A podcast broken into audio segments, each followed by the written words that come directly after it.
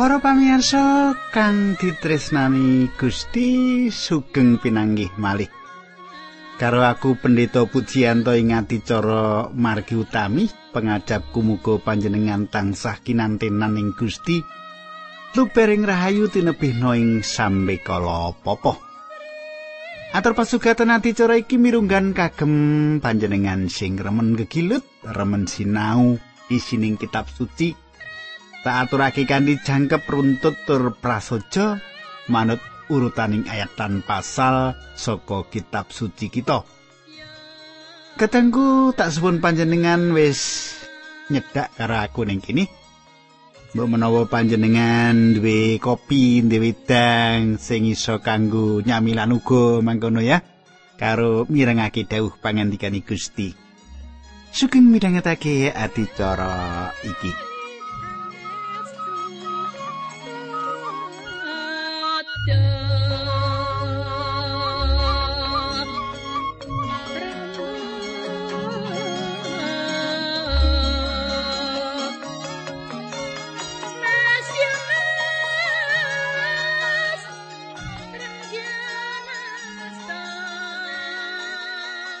Sumitraku ing andaran kepungkur mbok menawa panjenengan isi kelingan apa-apa sing tak aturake karo panjenengan. Kepungkur aku wis ngaturake purwakaning buku kaimaman isi kelingan panjenengan? Nah, monggo panjenengan ndak ajak jumangkah. Nyemak bab siji ayat telu lan sak terusi. Nanging aku arek ngaturake salam dhisik marang Erik Sumerni ini. Bapak atau Ibu Erik Sumarni. Ngendikake siaran basa Jawi ndamel kula wantun ngadepi gesang menika kanthi tatak. Wah, matur nuwun sanget inget Bu Erik Sumerni menika nggih ingkang mirengaken basa Jawi. Nggih. Ndadosaken tenang. Makaten nggih. Nah kadang kula. Monggo kita ndedonga. Duka ing Rama ing swarga sesarengan kawula manembah kalian paduka. Kawula nyuwun supados Gusti berkahi adicara menika paduka tuntun. Kawula bingah kados cini Ibu Erik Sumerni menika. Ingkang ndadosaken pangandikan paduka ingkang kawadharaken ing margi utami menika dados tatak dados tenang ngadepi gesang menika.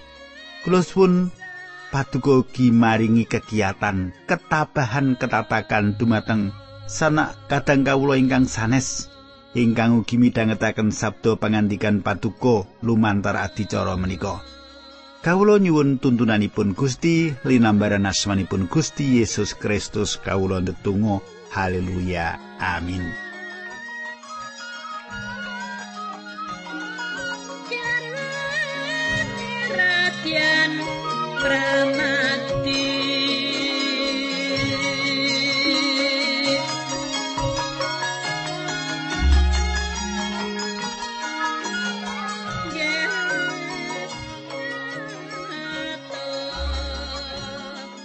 Kadangku tak suwun panjenengan wis nyawisake kitab suci, aku nggunakake basa pedinan supaya apa-apa sing tak aturake karo panjenengan, panjenengan iso gamblang lan cetha.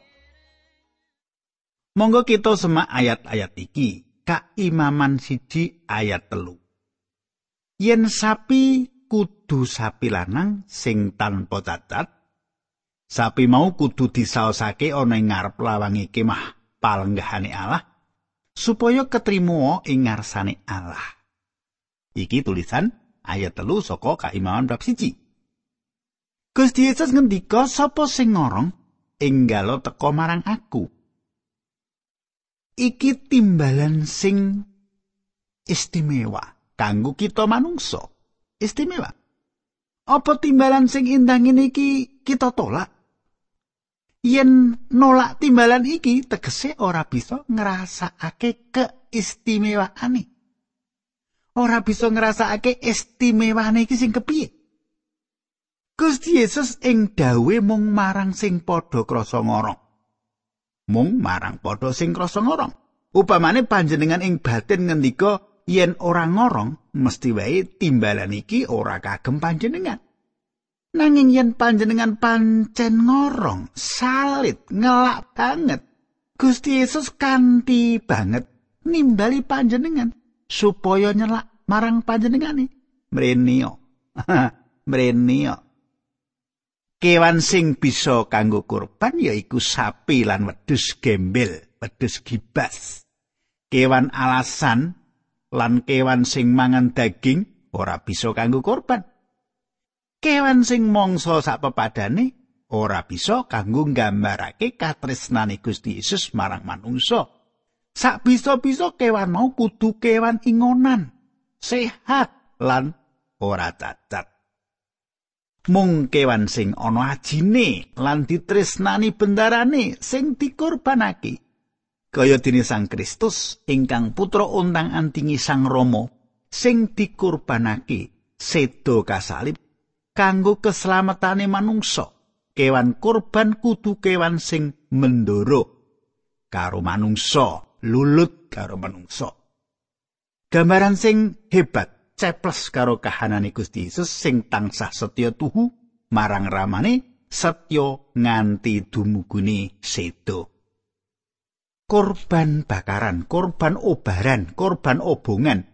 Ditulis ing buku kaimaman sing njlentrehake marang kita yen sarana korban bakaran iki manungsa bisa diapura dosane nuli ditampa dening Allah. Korban bakaran mau dibakar nganti entek kurban ubaran mau diobong nganti entek. Ora ana sing kari babar pisan, mung awune wae. Iki gambaran sing nyetakake yen kurban obongan sing nganti entek iku nandhakake sakabehing kurban mung kapirsanan dening Allah ing asmane Gusti. Saiki panjenengan tak dherekake nyemak layang Efesus 5 ayat loro. uripmu kudu dikuasani dening katresnan kaya dene Sang Kristus nggone wis ngasi kita lan masrahake nyawani kanggo kita minangka sesausan lan kurban sing gawe renane Gusti Allah. Nuli saiki ngancik kaimaman bab siji ayat telulas nulis ngene. Wong sing saus kurban mau kudu ngresiki jeroan lan sampile wedhus sing mburi kabeh mau banjur diobunga dening imam ana ing mesbeh sumaos marang Allah. Gandane korban obongan mau gawe renane penggalihe Allah. Kadangku ya mung iku sing dipirsani Allah ing Gusti Yesus Kristus. Gusti Allah Rama kita banget karenaning penggalihe marang apa sing wis ditindakake dening Sang Putra. Ya Gusti kita Yesus Kristus nggone nebus dosa kita manungsa, dosa panjenengan lan dosaku. Paukumane dosa kita wis dilunasi, wis dibayar dening Gusti Yesus. Paukuman jalaran dosa kita wis pundat, wis lunas jalaran pengorbanane Gusti Yesus kanggo kita. Mula pracaya marang panjenengani. Supaya apa? supaya ora tansah sumelang ngadepi pati sing bakal kita alami. Apa panjenengan krasa marem marang apa sing ditindakake dening Gusti Yesus? Sumitraku, kewan korban sing disaosake kudu kewan lanang. Iki lambangi kekuatan. Apa sing ditindakake Gusti Yesus sing bisa ngalahake dosa, ngerampungi paukumane dosane manungsa sawijining kekuatan sing ora ana tandinge. Panjenengan bisa nyemak Ibrani pitu ayat selawi. Kewan korban ora cacat, tegese sempurna, pepak, sikile papat, kupingi loro, mripate wutoh lan sak panunggalane. Kabeh kudu pepak lan sempurna. Iki nggambarake kasampurnane Sang Kristus. Allah Sang Rama banget karenan marang Gusti Yesus kanthi mengkono dingendikake iki putraning sun sing ndak tresnani sing gawe renaning penggaliku. Pisungsung kurban obaran kurban obongan iku kewane kudu mati. Dudu kewan urip. Iki kanthi cetha didhawuhake dening Allah ya sarana sedane Sang Kristus wae sing bisa milujengake menungsa saka dosane. Ing kitab Injil nalika Gusti Yesus seda kere utawa gebering bait suci suwek saka dhuwur mangisor. Ya jalaran sedane Sang Kristus wis kabuka dalan sing rancak kanggo sowan marang Allah. Jalaran sedane Kristus uga kita kepareng nampa urip sempurna lan katampa dening Allah. Kanthi cara apa wae ora bisa ditindakake dening manungsa supaya bisa sowan kanthi dalan sing bener marang Allah. Ya mung pangorbanane Gusti Yesus wae sing dadi paugeran sing mapan lan sempurna kanggo iku. Ora sugenge Gusti Yesus sing milujengake kita nanging sedane ing kayu salib iku dalani. Kaya geber ing bait suci. Nalika geber utawa kere mau cuek bebarengan karo sedane Sang Kristus, yaiku jatine dalan sowan marang Rama kasuwargan. Sedane Gusti Yesus jatine kayekten kanggo marga sowan Sang Rama. Margi utami. marga kang utama. Yen panjenengan kepengin nampa kawilujengan saka Allah, sowano marang Sang Kristus. Ora ana dalan liyane. Gusti Yesus ngendika.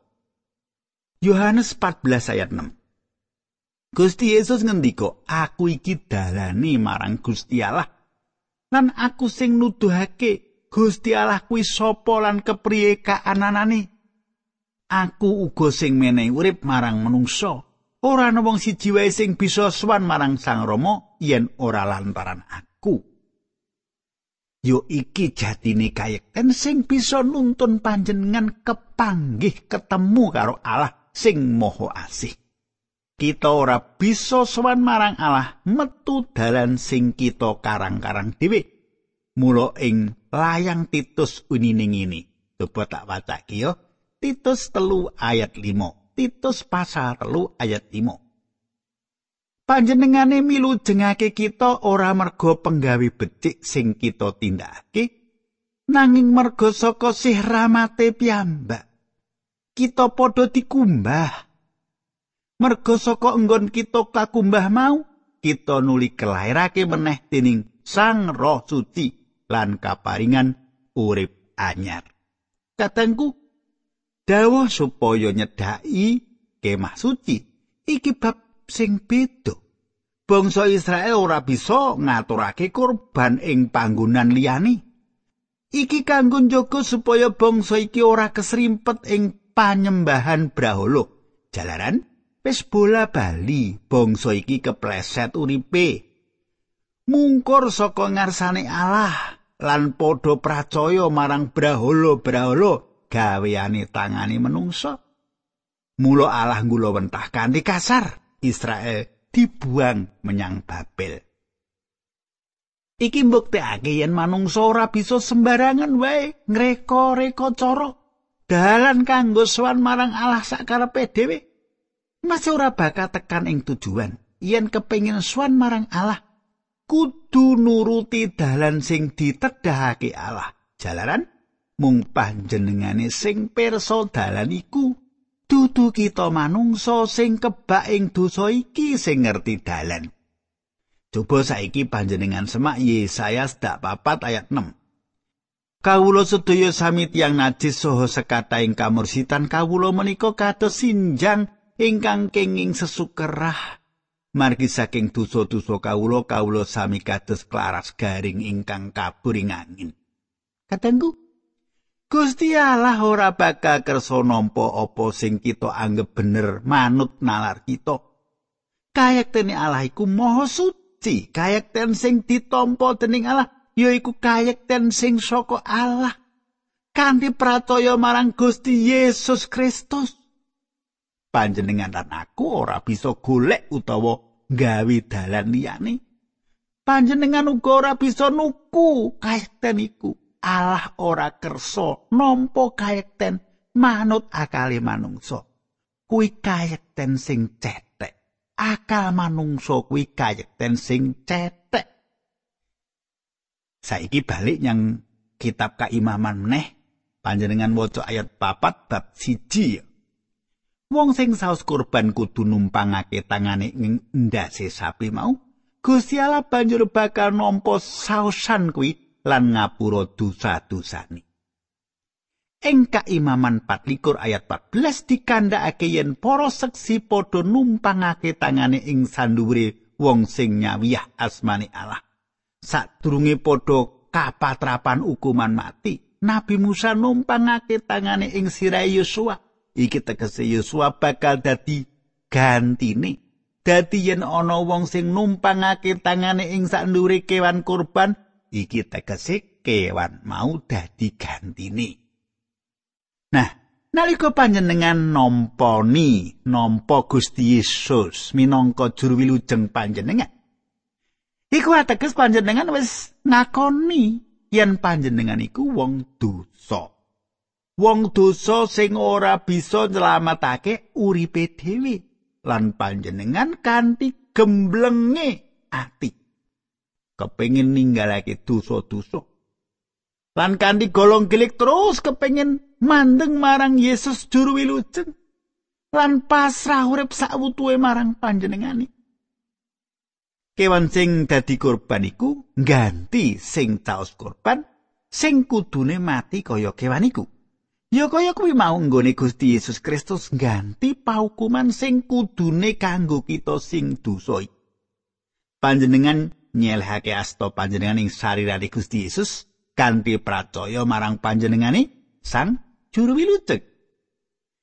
Nalika ngutus para penginjil, para pendeta senior padha numpangake tangane ing sirahe penginjil kaya dene patrape jemaat ing Antioquia nalika ngutus Rasul Paulus lan Barnabas.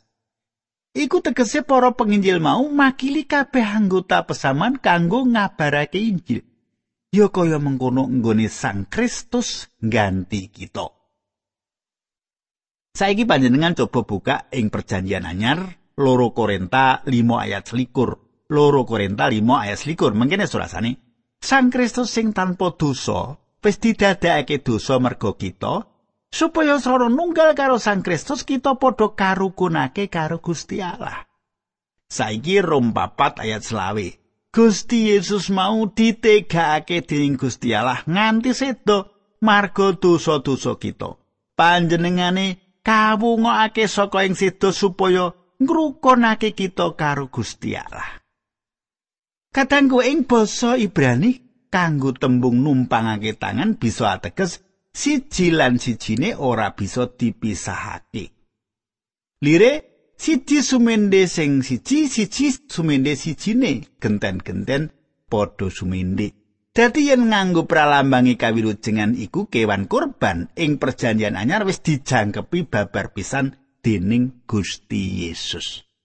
Saiki coba panjenengan maca Ibrani 10 ayat 4. Getiyeng sapi lan wedhus lanang moka yen bisa mbirat dosane menungso. Nah, saiki balik meneh ning kitab Kaimaman bab 1 ayat 5. Sapi mau kudu disembelih ing ngarep lawang kemah suci, getihe kudu disaosake dening imam, anak turune Harun marang Allah, banjur disiramake kemput ing lambunge mesbeh sing ana ing ngarep lawange kemah suci mau. Kadangku, kita wis nganti tata cara kurban obaran. Sawise milih kewan sing paling apik, si penandang dosa nuli nggawa kurban mau menyang lawange kemah suci, nuli ketemu karo imam. si dosa iku nuli nyembelih kurbane dhewe mau kejaba yen kurban mau wujud manuk kaya sing katulis ing ayat 14 15 kurban sing ora salah ganti menungso sing salah sing dosa. Coba panjenengan buka siji Petrus telu ayat 18 mengkini surasani awit sang Kristus piyambak nglampahi sang sira merga saka kuwi panjenengane sedo sepisan kanggo selawase krana sekabing dosa kita. Panjenengane kang tanpa dosa nglampahi sedo kanggo wong-wong dosa supaya panjenengane saged nyuwanake kita ana ing ngarsane Allah tumraping sarirani panjenengane disedani. Nanging tumrape roe panjenengane kawungokake. Katangku jalaran dosa kita Gusti Yesus sedo. Jalaran dosa kita Gusti Yesus sedo. Ora ana pangapura tanpa ana tetese getihe.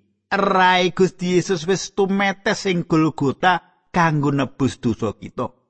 Sawise rampung nyembelih kurbane nuli dipasrahake marang imam, imam nyiprat-nyipratake getih kurban ing mesbeh, getih iku nggambarake panguripan.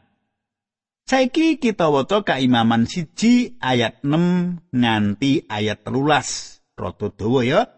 Coba panjenengan gatekake. Imam kudu nata kayu obong ana ing mesbeh banjur disumet tengkel-tengkelan sapi mau nuli katumpangno ana ing dhuwur kayu semono gondas lan gajiye. Wong sing saus korban mau kudu ngresiki jeroan lan sampile sing mburi kabeh mau banjur diobonga dening imam ing mesbeh. Gandane korban obongan kuwi gawe renaning penggali Allah. Yen sing gawe korban rupa wedhus gembel utawa wedhus Jawa, kewan mau kudu lanang lan mulus tanpa cacat. Wong sing saos korban kudu nyembelih wedhuse ing cedhake mesbeh sisih lor lan para imam kudu nyiramake getihe kewan mau ing lambungi mesbeh mubeng. Sawise wedhus mau ditengkel-tengkel imam banjur nglebokake tengkel-tengkelan mau karo endas lan gaji ana ing genining mesbah. Wong sing saos korban mau kudu ngresiki jeroan lan sampile wedhus sing mburi kabeh mau banjur diobonga dening imam. Ana ing mesbeh sumaos marang Allah gandane kurban hubungan mau gawe renane penggali Allah Sumitraku kurban mau ditengkal-tengkal dadi sawetara bagian Geni wis murup ing mesbeh, geni ora tansah duweni teges neraka, nepsu utawa supata, ipat-ipat. Geni uga asring dinggo lambang panyucen, lambang kanggo nyucikake uga ateges kekuatane Allah sing ora bisa dilawan. Saiki panjenengan tak derekake nyemak kitab Malayaki bab telu ayat telu. Kaya carane kemasan luluh sloka lan mas kaya mengkono utusane pengiran bakal nucakake para imam nganti padha bisa nindakake kurban sing pantes kunjuk marang pengiran. Katangku, geni lambang panguasani Allah sing bisa ngremuk lan besmi samubarang. Kurban obongan nuduhake rasa setya tuhu sabutuhe marang Allah kanthi panembah ing sajroning roh lan kayekten. Panjenengan tak derekake nyemak pangandaring Torat bab 4 ayat 4 likur mengkene surasani merga pengiran Allahmu kuwi kaya geni sing brangas Allah sing butarpan. Katangku kita butuhake kasucen ana ing gereja lan urip ing wektu iki supaya supaya peladosen ora mung etok-etok wae mula nyedhako marang Allah. Panjenengane sing bakal bisa ngresiki lan murnekake gesang panjenengan lan aku. Saiki kaimaman bab siji ayat 14 nganti 16 yen sing digawe kurban rupa manuk kudu piyik dara utawa manuk drekuku? Manuke mau kudu digawa dening imam menyang mesbeh gulune banjur dipuntir lan ndase diobong ing mesbeh kono getihe banjur diwetokake srana dipijat ana ing lambungi mesbeh mubeng.